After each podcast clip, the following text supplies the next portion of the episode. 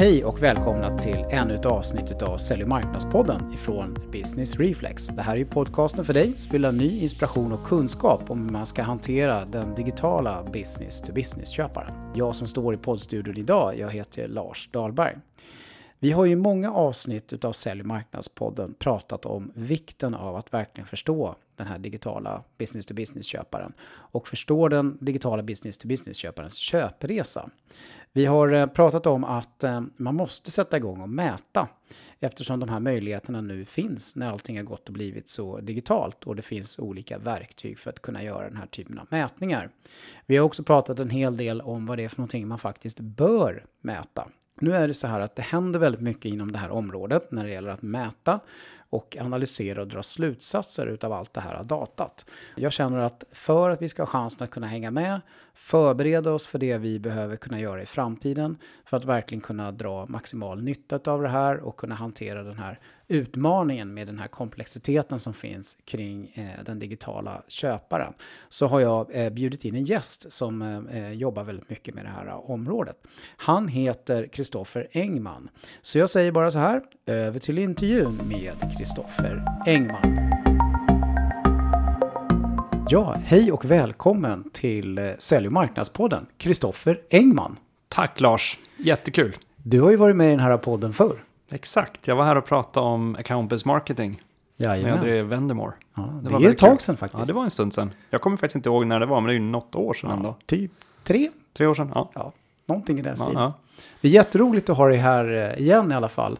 Och en del av våra lyssnare, de lyssnar kanske på det här avsnittet. Och en del har säkert hört talas om dig eh, via andra typer av sammanhang. Eftersom du har figurerat väldigt mycket i de här sammanhangen kring digital marknadsföring och försäljning och sådana saker tidigare.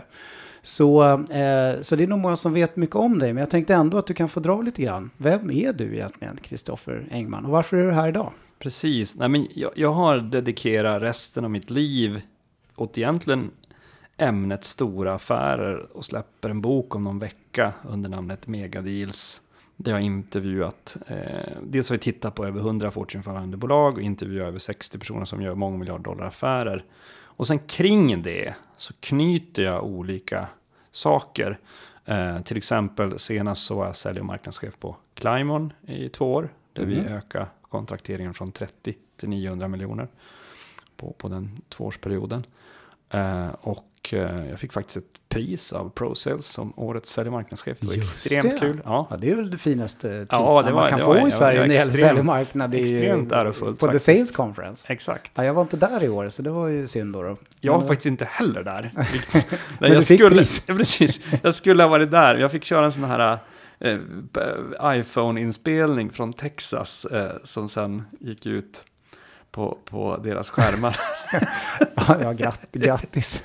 ja, men det, var, det var en säljare ja. som skulle åka dit som blev sjuk, så jag fick eh, liksom, jag, kunde liksom inte, även om det är ashäftigt med en prisutdelning, mm. jag visste att jag skulle få det innan ja. prisutdelningen, men eh, jag kunde liksom inte... Klona dig? Nej, men och sen är det någonstans så här, det är ju ändå i slutändan, affärerna går ju först. Så att vi, ett gäng viktiga möten i Texas fick jag ändå vinna. Vad bra då. Ja. Jaha, och, eh, och mer då? Ehm, sen så eh, har jag grundat fyra olika bolag. Eh, de kanske mest kända är nog eh, Vendemore, ganska känt. Eh, eh Retain24, mindre känt men sköter nästan alla presentkort och bonuscheckar under ytan i Sverige. Sen ett bolag som heter Taxisystem som eh, Fågelviksgruppen precis köpte, alltså 020 Kurir och de här. Och sen Megadis Advice som är ett utbildningsbolag kring våran bok. Mm. Men sen har jag investerat i totalt sett 11 bolag. Mest marketing technology-bolag och cleantech-bolag. Det låter ju som en skummix, eller hur? Mm, precis. Så ny energi och marketing technology, vad har det med varandra att göra? Men det, det har extremt mycket med varandra att göra. För att inom energi så är det dels väldigt mycket stora affärer kopplat till megadeals. Och det är också en bransch, energibranschen är långt eftersatt på marketingområdet. Så att ibland, det, det upplevde jag nog kanske lite på Climate, nu låter det kanske lite skrytigt, men när jag kom in i energibranschen så var det lite som att komma med eh, pansarvagn mot svärd. Mm -hmm. eh, för att jag tog med mig alla avancerade metoder från både vår research men också all min tid inom campus marketing och så vidare och införde det i ett energibolag. Eh, och, och, det gav ju ganska stor effekt. Mm. Ja, jag tror vi kommer komma tillbaka till det. Ja. grann. Men sen så eh, är du numera involverad i ett bolag som heter Proof. Exakt, så min största investering och det bolag som jag dessutom är operativt i är Proof Analytics som är amerikanskt-svenskt indiskt bolag. Mm, det är en spännande mix där också. Och jag kände så här när eh, jag fick reda på det där, att eh, du är med och satsar kring den biten, att, eh, att vi behöver få in dig i den här podden. För jag vet ju att det här handlar jättemycket om att mäta och att analysera.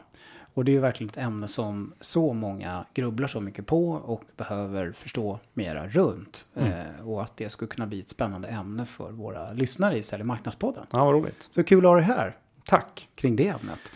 Och eh, innan vi kommer in på det lite mer. Jag ska bara berätta en liten rolig Ja. kuriosa. För mig är det lite som att cirkeln sluts. För att jag höll på att bli matematikforskare. Det är svårt att tro eftersom jag håller på med glass och ballonger. Men eh, Magnus som jag, eh, som jag höll på att bli det tillsammans med, han är numera professor i matematisk statistik och har också börjat på Proof.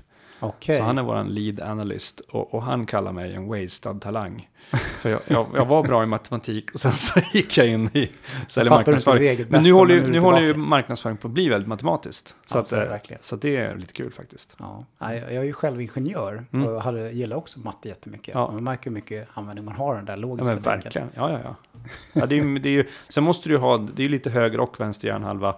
Du måste ju fortfarande ha kuddrummen och allt det där mjuka. Mm. Men blandar man det med matematik så blir det väldigt kraftfullt. Precis. Du, eh, eh, grundanledningen till att vi sitter här idag, det är ju att eh, de här köparna har ju gått och blivit totalt annorlunda. Och det finns ju så väldigt många undersökningar nu för tiden som visar på det här och det kommer nya böcker i det här ämnet. Men Mm. jag tänkte ändå lite grann att eh, eh, både du och jag har ju ganska mycket liksom, fingrarna i syltburken och egna eh, riktiga erfarenheter av de här eh, moderna köparna och deras digitala beteenden. Vi kanske skulle börja där lite grann innan vi kommer in mer konkret på det här mätandet och, och analyserandet. Vad, vad säger du Kristoffer, vad är dina erfarenheter? Ja, men dels så är det ju, den kanske uppenbara för de flesta är att eh, det, det går att driva fler och fler typer av affärer digitalt för att till och med en cementfabriksarbetare är online. Eh, och så det är väl kanske den mest enkla. Och sen så numera, det som ställer till det för många det är att vi har en fullkomlig explosion av typer av marknadsaktiviteter.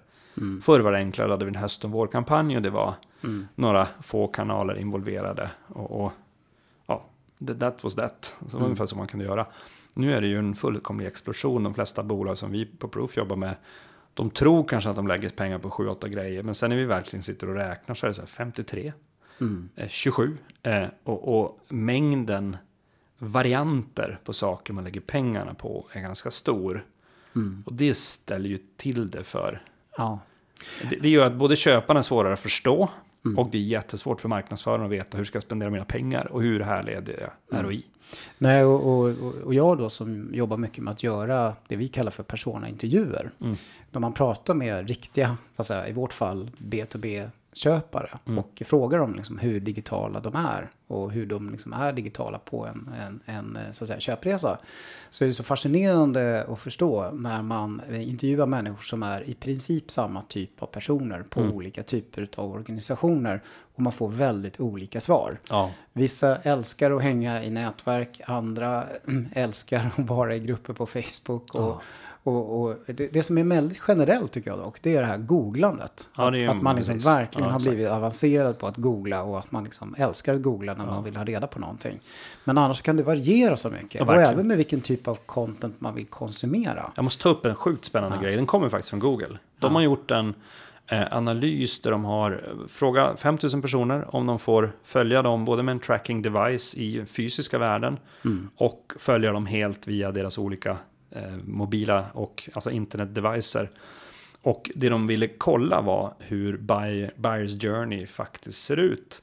Och de tyckte de hade en nog stort sample på 5000 personer. Det föll bort några hundra som inte fullföljde hela studien, men jag tror de slutade här 4600 personer. Och det de kom fram till var att inte en enda person, när de gjorde, eh, ja men de gjorde ju massor med köp de här under den här månaden. Inte en produkt köptes på samma sätt av någon person i deras sample.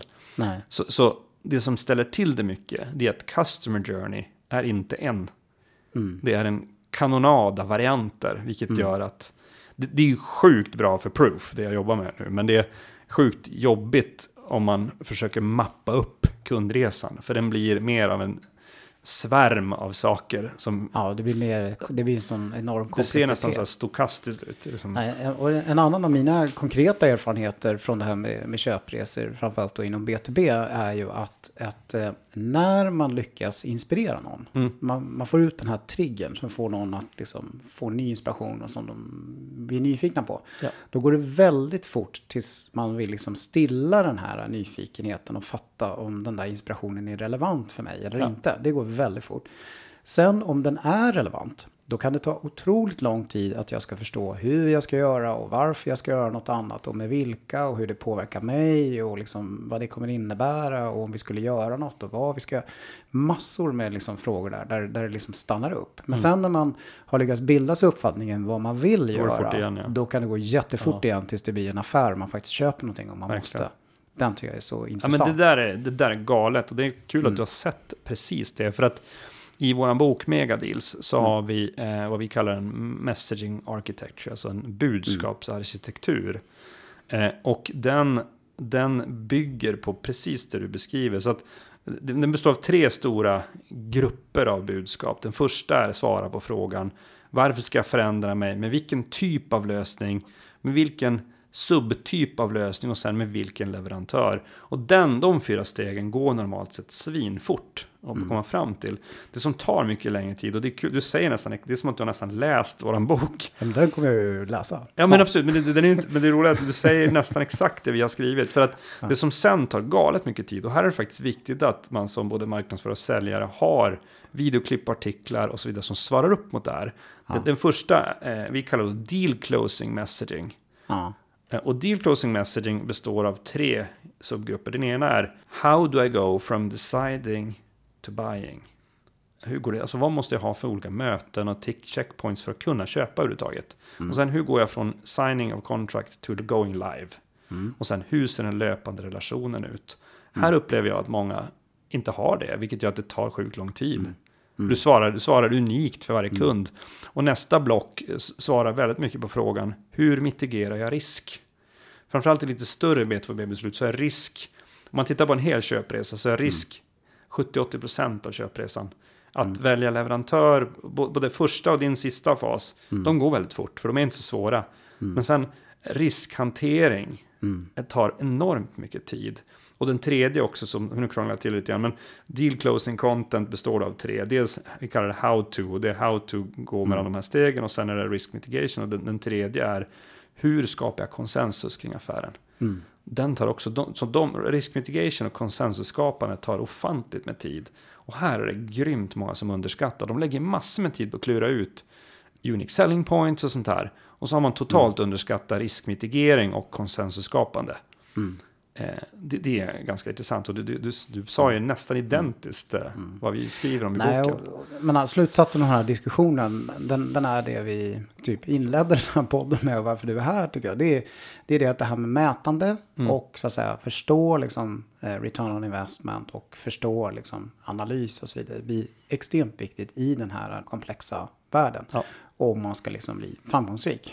Och, och jag vet att, eh, att du brukar prata lite grann om att det är fyra centrala frågor som man så att säga måste ha svar på. Eller gärna behöver ha svar på. Som man inte har svar på idag. Ja. Vilka, vilka är de, Kristoffer? Ja, men den första är hur ska jag fördela mina pengar mellan säljbudget och marknadsbudget? Just det, balans mellan marknad och Ja, hur, ska, hur ska jag vikta dem? Och, och nästa fråga är inom marknadsbudgeten. Hur ska jag fördela mina pengar och personal där? Mellan olika aktiviteter, allt från LinkedIn post till seminarier till eh, retargeting till content syndication och så vidare. Och, så vidare. Och, och, och den tredje frågan, den går in på hur vet jag hur olika aktiviteter driver varann? Ja, För de har en jättestor, till exempel om jag tripplar spänd på tv, då driver det sök. Nu kanske det, tv är väldigt B2C, men det, det är Ja. bara ett exempel. Och den fjärde frågan är, hur rapporterar jag till övrig ledning och styrelse på ett sätt som de förstår? I ytterst då, både ROI på olika aktiviteter, men också hur visar jag hur marknadsaktiviteterna driver eh, omsättning och vinst och med vilken tidshorisont. Ja. Det, det, är, det är fyra ganska viktiga frågor som är nästan alltid obesvarade. Det är väldigt mycket gissningar där. Mm, precis. Eh, menar, allting går ju att mäta eh, nu. I princip kan man ju säga. Med tanke på att eh, det har blivit så digitalt och, och, och liksom grundförutsättningarna för att göra det Ja. finns. Men det är fortfarande, eh, de här frågorna eh, är inte liksom besvarade. Vad du säger. det finns två grejer som och är är lite mycket finger, finger till luften i alla fall. Ja, men precis. Det, det, är, det är två grejer. Bara om man tar mätningen först. Analysen är en annan sak. Men mätsidan har två stora utmaningar. Dels så fångar du inte offline-aktiviteter. Mm. Och sen har du ett extremt svårt att, eh, jag kommer tillbaka hur du kan analysera, Mm. men du har svårt att mäta varumärkeseffekten i, i, även om du kör saker online. Du kan ju ha till exempel en extremt väl positionerande video som du trycker ut på YouTube. Mm.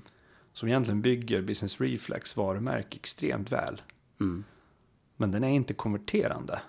Nej. Du kan också ha en väldigt konverterande aktivitet som också har varumärkesinslag. För en del tror ju att antingen så gör du en varumärkessatsning eller så gör du en konverteringssatsning. Och det är trams. Allting du gör är både och, bara till olika grad. Mm. Så, så att även om du kör en SEM, alltså en ren sökkampanj, den har också en varumärkeseffekt. Och den kan vara fem kvartal lång. Eh, och det gör mätningen lite klurig. Hur skulle du säga att nuläget ser ut då? Kristoffer, om vi skulle prata lite grann om, om, eh, om hur man mäter och följer upp idag. Jag skulle säga att snitt, snittföretaget, eh, de tittar på mätdata, de kallar det analys, men de tittar egentligen på mätdata från Facebook, eh, man tittar på Facebook-annonsdelen, man tittar på ja, men mitt gamla bolag Vendemor, den typen av rapportering, man tittar Ja. på Google Analytics, man Ja. tittar på Critios retargeting-mätning och så vidare. Och så tittar man på alla dem och så sitter man i en grupp av smarta människor och så sen så lägger man det åt sidan och så diskuterar man sig fram till hur man ska spendera sina pengar. Mm. Eh, Utmaningen med det, det är att man tror att man har ett fullständigt underlag. För det första så har man inte det man näm- nämnde tidigare, offline saknas och branding-effekter fångar du inte så bra. Nej. Men det andra är att, och det har mer med våra mänskliga hjärna att, att göra. Kahneman som vann Nobelpriset i ekonomi när han visade eh, loss aversion, att du är två och en halv gånger mer känslig för en förlust än vad du är sugen på att vinna. Som är ganska viktig, det kan vi ta ett annat, En annan podd. en annan podd om.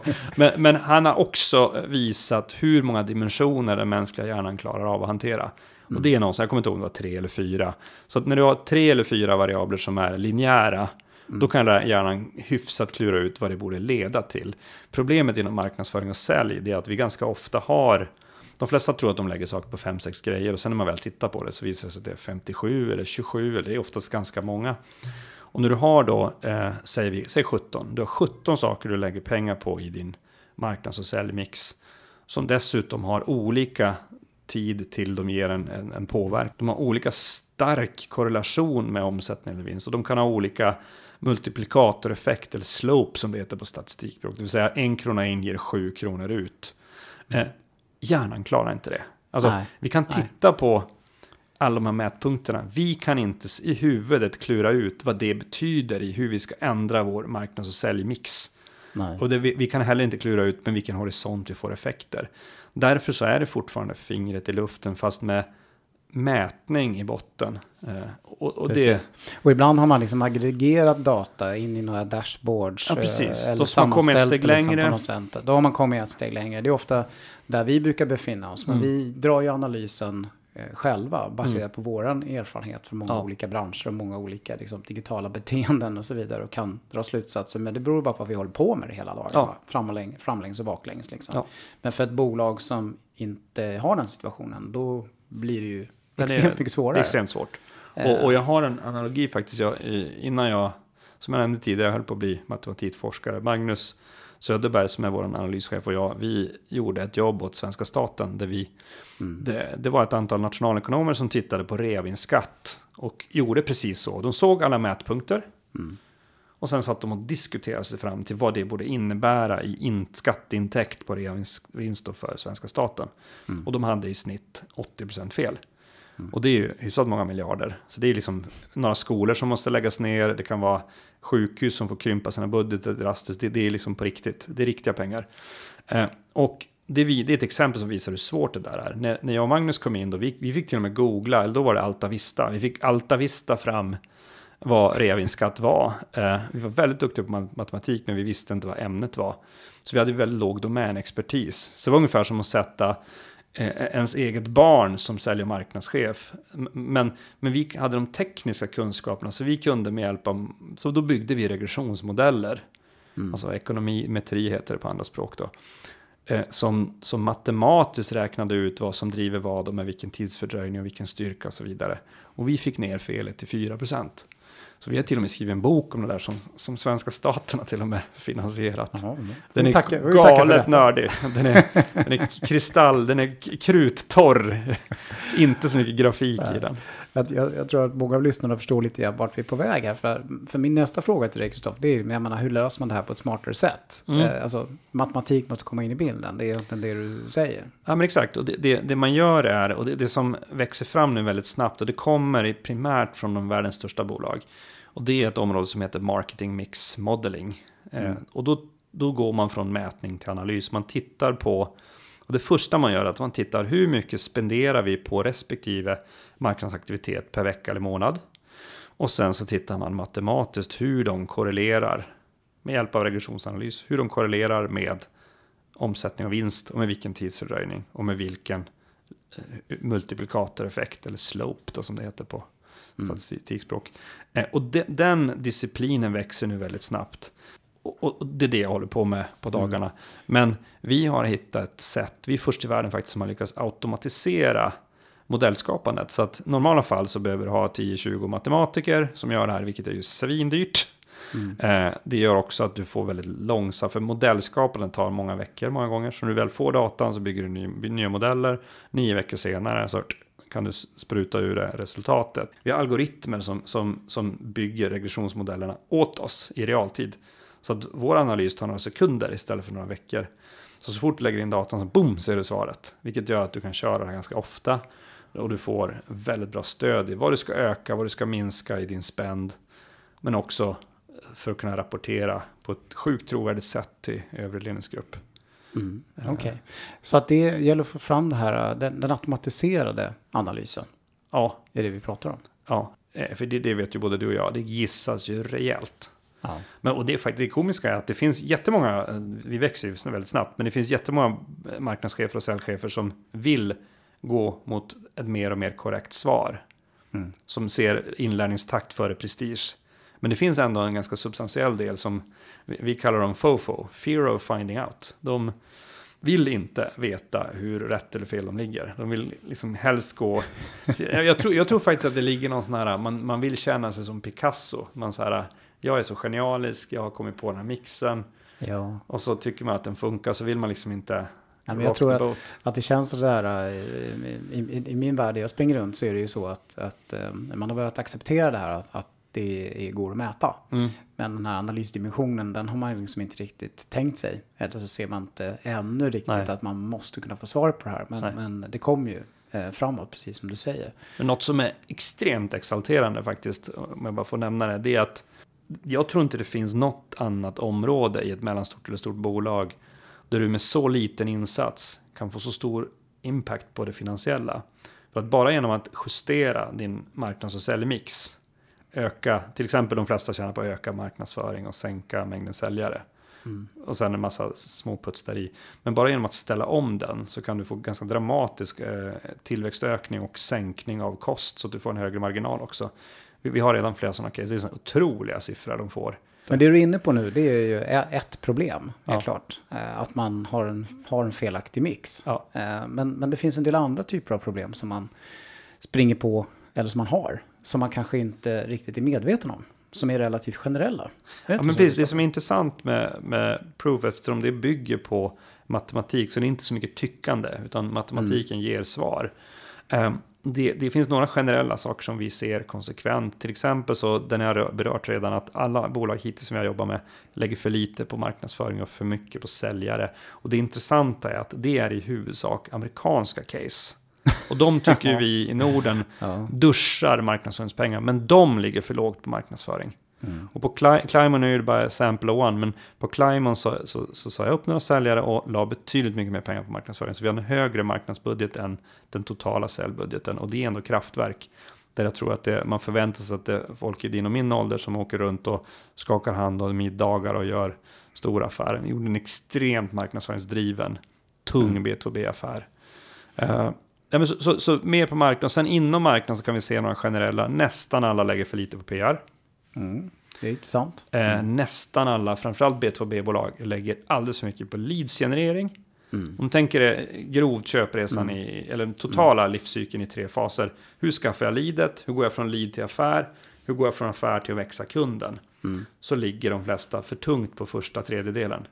Mm. Och det är väldigt många bolag som har som primärt KPI marketing qualified leads. Och det är något vi ser i Proof är helt galet. Du, du tjänar på att lägga betydligt mer i de kommande, de därefter två följande. Jag tror att man hamnar i att mäta MQL som primärt KPI för att det är så lätt. Ja, och, och traditionellt sett så är det det säljarna liksom Och, frågar och precis, efter. plus att säljare, säljare förstår inte marknadsföring och då säger de så här, "Ja, men får vi bara bra leads så är vi nöjda. Och så tror då ledningen, ja men nu ska vi säga till marknaden att vi ska bara generera leads. Och då, då, då ser du en annan grej som vi ser generellt, de flesta lägger alldeles för mycket pengar på event. Event är perfekt för att driva leads. Men det driver inte nog mycket affär, vilket är inte, det är inte samma sak. Mängden leads och mängden affär är inte samma sak. Eh, så du får en jäkla massa visitkort, men det är ja, sådär. Eh, sen så, det är en annan intressant grej kopplat till PR. De flesta tror nog att PR primärt är awareness. PR är primärt risk mitigation, kopplat till det vi pratade om jättetidigt idag. Hur du sänker risken precis innan du köper. Så PR, analytiker, kommentarer och referenscase, de tre sänker den upplevda risken i affären. Ja. Och i B2B Skapa trygghet och Ja, skapa trovärdighet. Ja, förtroende, precis. Trygghet, Ja. trovärdighet, ri- riskminimering, förtroende. Den, den jobbar jättehårt med alla dem och, och det gör att eh, du, du får större och fler affärer och kortare. Alltså du vinner jättemycket på förtroende egentligen. Eh, och, och, så PR slår väldigt hårt i slutet av köpcykeln. Den slår på awareness, top of the funnel, men den slår ännu hårdare på slutet. Mm. Och vi har faktiskt vi har sett ett sånt vi är inte involverade i det, men det är en PR-byrå där vi, som vi känner väl. De har i, i, lyckats extremt bra med sin PR kring det här caset, men awareness-mätningarna mätningarna har knappt rört sig. Fast kunden tjänar mycket mer pengar och då är det win rate som har gått upp. Mm. Så de får inte nödvändigtvis högre kännedom, men de får mycket högre trovärdighet och upplevs som lågriskalternativ då Ja. i, i sin kategori. Nej, och det finns ju det är intressant eh, fenomen generellt sett att eh, eh, vi har gjort eh, poddavsnitt här ganska nyligen som handlar väldigt mycket om det här med, med, med branding och, och det och att millennials tycker att det är otroligt viktigt med, med det här med varumärken Oh ja. och trygghet och att köpa av företag med rätt värderingar Ja. som ger mig så att säga harmonierar med mig väldigt Ja. mycket jämfört med tidigare generationer. Ja. Sådär. Så att, eh, Nej, men ordet förtroende, och det här är lite intressant för att i Megadelsboken pratar vi jättemycket om det. För det, ju större affären är, desto viktigare är förtroende. Och det ser vi även i proofmätningarna. Att kan du, kan du, kan du, driva, kan du driva trust så vinner du fler affärer, snabbare, högre win rate. Alltså det, mm, uppfattas som thought leader. ja, precis. Det är också ett sätt, det är ju ett sätt att driva trust. Jag ska bara ta ett sidospår här. Något som jag ser ganska intressant är att jag tror att det är för många som försöker driva ett thought leadership som inte har förstått att du måste ligga åtminstone på halvdistans från ditt huvudämne. Det gör ju du i din podd. Den är ju väldigt relevant för business reflex. Men det finns, om du tittar på många som driver ett eh, stora, så som på sina LinkedIn och annat får, får väldigt stora, stort genomslag. De ligger oftast för högt upp. Eh, jag kan ta ett exempel. Eh, per Holknekt. Jättetrevlig kille. Mm, mm. Jättekul att följa. Men förstår du vad han säljer? Nej, jag följer honom faktiskt inte. Nej, det gör inte det. Nej. Men, men han, han, han ligger ett exempel så här. Du och jag kan ju skriva inlägg Ja, som jag handlar om skilsmässor. Vi kan Ja. skriva om eh, varför är det fler barn som har ADHD. Vi kan ta ämnen som har jättebreda anslag. Ja. Och få ganska hög engagement. Alltså sociala mediers primära mätetal. Då är det för många som inte förstår att engagement. Om du driver för hårt på det så kan du tappa för mycket i relevans. Och då tappar du ju hur det påverkar din affär. Just det. Ja, men det, det är förstår en jag menar? otroligt Så- så intressant att- poäng. Och det det är lätt en- att hamna där, för att man sen, vill sen får du ha... inte, Sen är det lika många, och det, det, det är också fel åt andra hållet då, som ligger för nära sin affär. Så Mm. de blir för säljiga. Så fort de kommunicerar på LinkedIn så är det bara me, myself and I, this is Mm. my product. Eh, men, men ligger du på ett insiktsfullt lager däremellan, så att du går större. Till exempel Megadis föddes så. När jag drev Vendemore så ville vi hitta en kontext för, Mega, för, för ABM. Så då började vi prata om större affärer. För vi jobbade med över 100 Fortune 500-bolag. Så vi fick ganska mycket insyn i jättestora affärer. Så började vi bara samla på oss. Men de där gjorde något smart. Och så till slut var det ett slide deck. Så när vi åkte ut till kunder. Istället för att säga så här, vi vill ha ett möte om campus marketing. Så sa vi, "Du, vi kan köra ett lunchseminarium om saker vi har sett. För vi jobbar med över 100 Fortune 500-bolag. Ja, vi kan kunde visa bygga lite- story på det. Ja, exakt. Och i det låg campus marketing. Exakt. Embeddad. Ungefär som Aston Martin finns i Bond-filmen. Och då ligger du på en... Eh, då ligger du fortfarande på ganska högt engagement men också jättehög relevans. Så den där, där, förlåt sidospåret, men det... Nej men eh, det, det hänger ihop med det här. För det är ju nämligen en problemställning. Mm. Eh, Och jag tror många som går och funderar över det här. Var någonstans jag ska hamna där. Mm. Och hur jag ska göra content och vad jag ska göra content för. Hur Ja. det ska hänga ihop med köpresan och Exakt. alla de här sakerna. Ja. Liksom. Men du, eh, om vi skulle försöka konkretisera lite grann här. Vad, vad är det för någonting som man konkret sett vill liksom komma fram till här då? Lite beroende på situation. Ja, men det, det finns, det finns Nu två... ska vi dela in det lite. Ja, men exakt. Det, det är alltid lite lurigt när man försöker generalisera hårt. Men om vi ändå tillåter oss göra det. Ja. Så, så, så ja, men du kan, du kan säga, du har, du har en kategori av bolag som är the frontrunners. De har kommit ganska långt. De är, de är på topp på tå på alla möjliga digitala metoder och så vidare. Mm. De har oftast mätnings och analysmässigt börjat jobba med något som heter multitouch attribution. Och det är olika verktyg, till exempel Google 360 och andra, där du försöker fånga alla typer av digitala touchpoints via retargeting-annonser, via webbesök, via sign-ups, via mailklick och så vidare. Så försöker du samla det i ett flöde och så försöker du med hjälp av det eh, härleda var pengarna ska spenderas.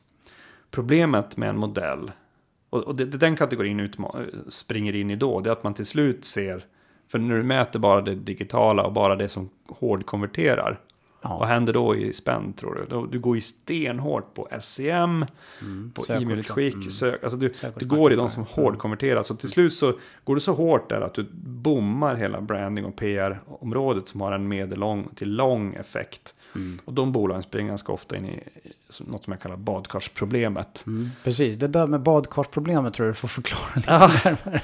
Badkarsproblemet är, det, det är faktiskt ett egenmyntat begrepp som jag, jag myntade det när jag satt i styrelsen i ett bolag som under flera år växte svinfort. Men det jag faktiskt eh, sa under många, många år att vi går för hårt på hård konvertering. Vi bommar i positionering, thought leadership, branding, PR. Det kommer att straffa oss. Och då, då, då la jag ihop ett plus ett blir två. Då. För det som är ett känt faktum är att churn oftast, inte alltid, men oftast är en funktion av mängden kunder, en procent av antalet kunder. Och, och, det vill säga, har du större och större kundbas så får du högre och högre churn i absoluta tal. Exakt. Eh, det, det är känt. Och det andra som är känt är att om du blir svinbra på sök så har du till slut, och sökvolymerna är ganska konstanta. Till slut har du hittat alla möjliga smarta sätt med långa meningar och speciella longtail-sökbegrepp och så vidare. Till slut har du fiskat ut hela sökvolymen. Eh, och om ni tänker ett badkar då så har du inflödet av vattnet är antal liter per sekund. Det är en fast takt. Ja. Och det motsvarar då när du har nått taket i sökvolymerna. Då, då hamnar du till slut att det är en fast takt kunder som rinner in. Och sen har du plug, pluggen öppen i ba- badkaret och den motsvarar då churn. Så att mängden vatten i badkaret som ökar och ökar hela tiden Ja. driver en, ett snabbare och snabbare utflöde av vatten. Mm. Och tillväxten i bolaget stannar upp. Och det finns flera, jag behöver inte nämna dem nu för det är lite uthängande. Men Mm. till slut så blir de, hamnar de här i ekvilibrium. Det vill säga vattnet in, det vill säga nya kunder via sök till exempel. Mm. Blir lika stort som takten som det rinner ut kunder. Mm. Och då har du helt plötsligt noll tillväxt. Mm. Och de här bolagen har ju många gånger varit extremt nöjda med att lyckas med Ja, ja, den här visst. konverteringstakten och så säga, den här digitala framgången och hela grejen. Ja. Och så börjar det där stanna upp. ja. Och så får de panik och vet inte vad de ska göra. nu? Och det, Ja. det de tjänar på, kopplat till mitt huvudämne då, eh, automatiserad marketing mix modeling, det är att tar de in vår typ av, eller av någon annan, vår typ av analys, då ser du direkt så oj, vi måste hårt höja det som har medellång till lång effekt. Och så måste vi tuna ner, vi ligger för hårt på, på vissa konverteringsområden, så du får en bättre balans. Sen har du nästa kategori, som är, låt oss kalla det eftersläparna. Det är oftast, och det här gäller väldigt många svenska B2B-bolag. Där har man en extrem övertro på säljkåren. Man tror, man sitter nästan och räknar så här, men tar vi in fem nya säljare så betyder det så här mycket mer i omsättning. Vilket av något komiskt skäl verkar vara en sanning fast det ändå inte är det. Man, har, man, man kan lägga, man har 100 säljare och sen ändå lägger man bara 5 miljoner kronor på marknadsföring, vilket är helt barockt. På Climon la vi mer på marknadsföringen på säljarna och fick extremt bra resultat. Men de typerna av bolag tjänar på att jobba med den här typen av modeller för att se ett, hur galet de ligger. Och två, okej, vi ligger galet, hur ska vi ställa om det här då? För det, det är alltid lite skönare att ställa om med en, en, om du har en matematisk modell som ledningsgruppen har köpt in på och litar på. Och här är det faktiskt en fördel att CFOer är oftast ganska skolade i regressionsanalys. Vilket gör, för marknadsgruppen är det väldigt bra. Så när marknadsgruppen och säljgruppen går till CFO och vd och pratar om den här typen av modell så sitter CFO och nickar så ah, jag, jag förstår. Jag har faktiskt läst matematisk statistik i skolan till och med. Och, och då får du en buy-in, då litar de på modellen. Och då vågar man börja förändringar. Mm. Så det, det du säger här egentligen, det är, det är helt nya kopior som man vill ha svar på. Ja, men det, man- precis. ja. Det, och det, det fina är att när du jobbar med den här typen av modeller, då kan du helt plötsligt jobba med kopior som är kop där du ser hur mycket du driver omsättning och vinst. Så varje individ i marknadsteamet till sitt område kan se hur mycket bidrar till, mark- till omsättning och vinst. Istället för att se Lars, hur mycket bidrar du till antal followers från Indien på Facebook. Mm. Det där var lite ironi då. Men Eller hur, hur högt engagement har vi på, på, på LinkedIn? Vilket ju, apropå det jag pratade om tidigare, kan slå helt fel. Så att när du har, eller som, som nästan alla större bolag, B2B-marknadschefer sitter i, vilket är helt bisarrt, den här hetsen kring marketing qualified leads. Där Ja. hela världen kretsar kring hur många leads du genererar. Vilket de som driver det, när jag pratar med dem off record säger de att det här är helt hål i huvudet. Fast det är det jag mäts på. Jag har Ja. till och med bonusar på det. Vilket ju blir helt galet. Mm. Eh, och, och, och, då kan du istället bygga kopior mot vad som faktiskt driver vad. Ja, jag tror att det här har satt eh, fart på en väldig massa tankar, eh, Kristoffer. Eh, Tack. kring hur man ska mäta och analysera den här eh, världen som vi nu befinner oss i. Vi som eh, älskar det här med marketing och sälj. Vi som nördar. Vi som är nördar. Och, ehm, eh, och att vi behöver bli mer nördar på matematik, det tror jag har gått, eh, framgått extremt tydligt utav det här podcastavsnittet. Så jag tänkte bara till slut säga så här att eh, om man vill få tag på dig då, Kristoffer, och, och diskutera de här frågorna lite närmare, var hittar man dig någonstans då? Jag tror jag vet vad svaret blir, men det är lite Ja, bara men du säger exakt. själv. Vi kan ge tre olika svar. Dels proofanalytics.ai, där det är vår webbsida. Sen Kristoffer Engman på LinkedIn, det är det absolut enklaste om man vill få kontakt med mig. Sen så megadealsadvisory.com som är vårt utbildningsbolag kring stora affärer som också bygger på vår bok. Så de tre forum. Men såklart, ska man följa mig som individ så är LinkedIn den solklara. Mm. Och är man nyfiken på den här boken då? När var det den skulle komma ut? Ja, men den är, det roliga är att Den vi, är ute vi, den? Nej, Nej?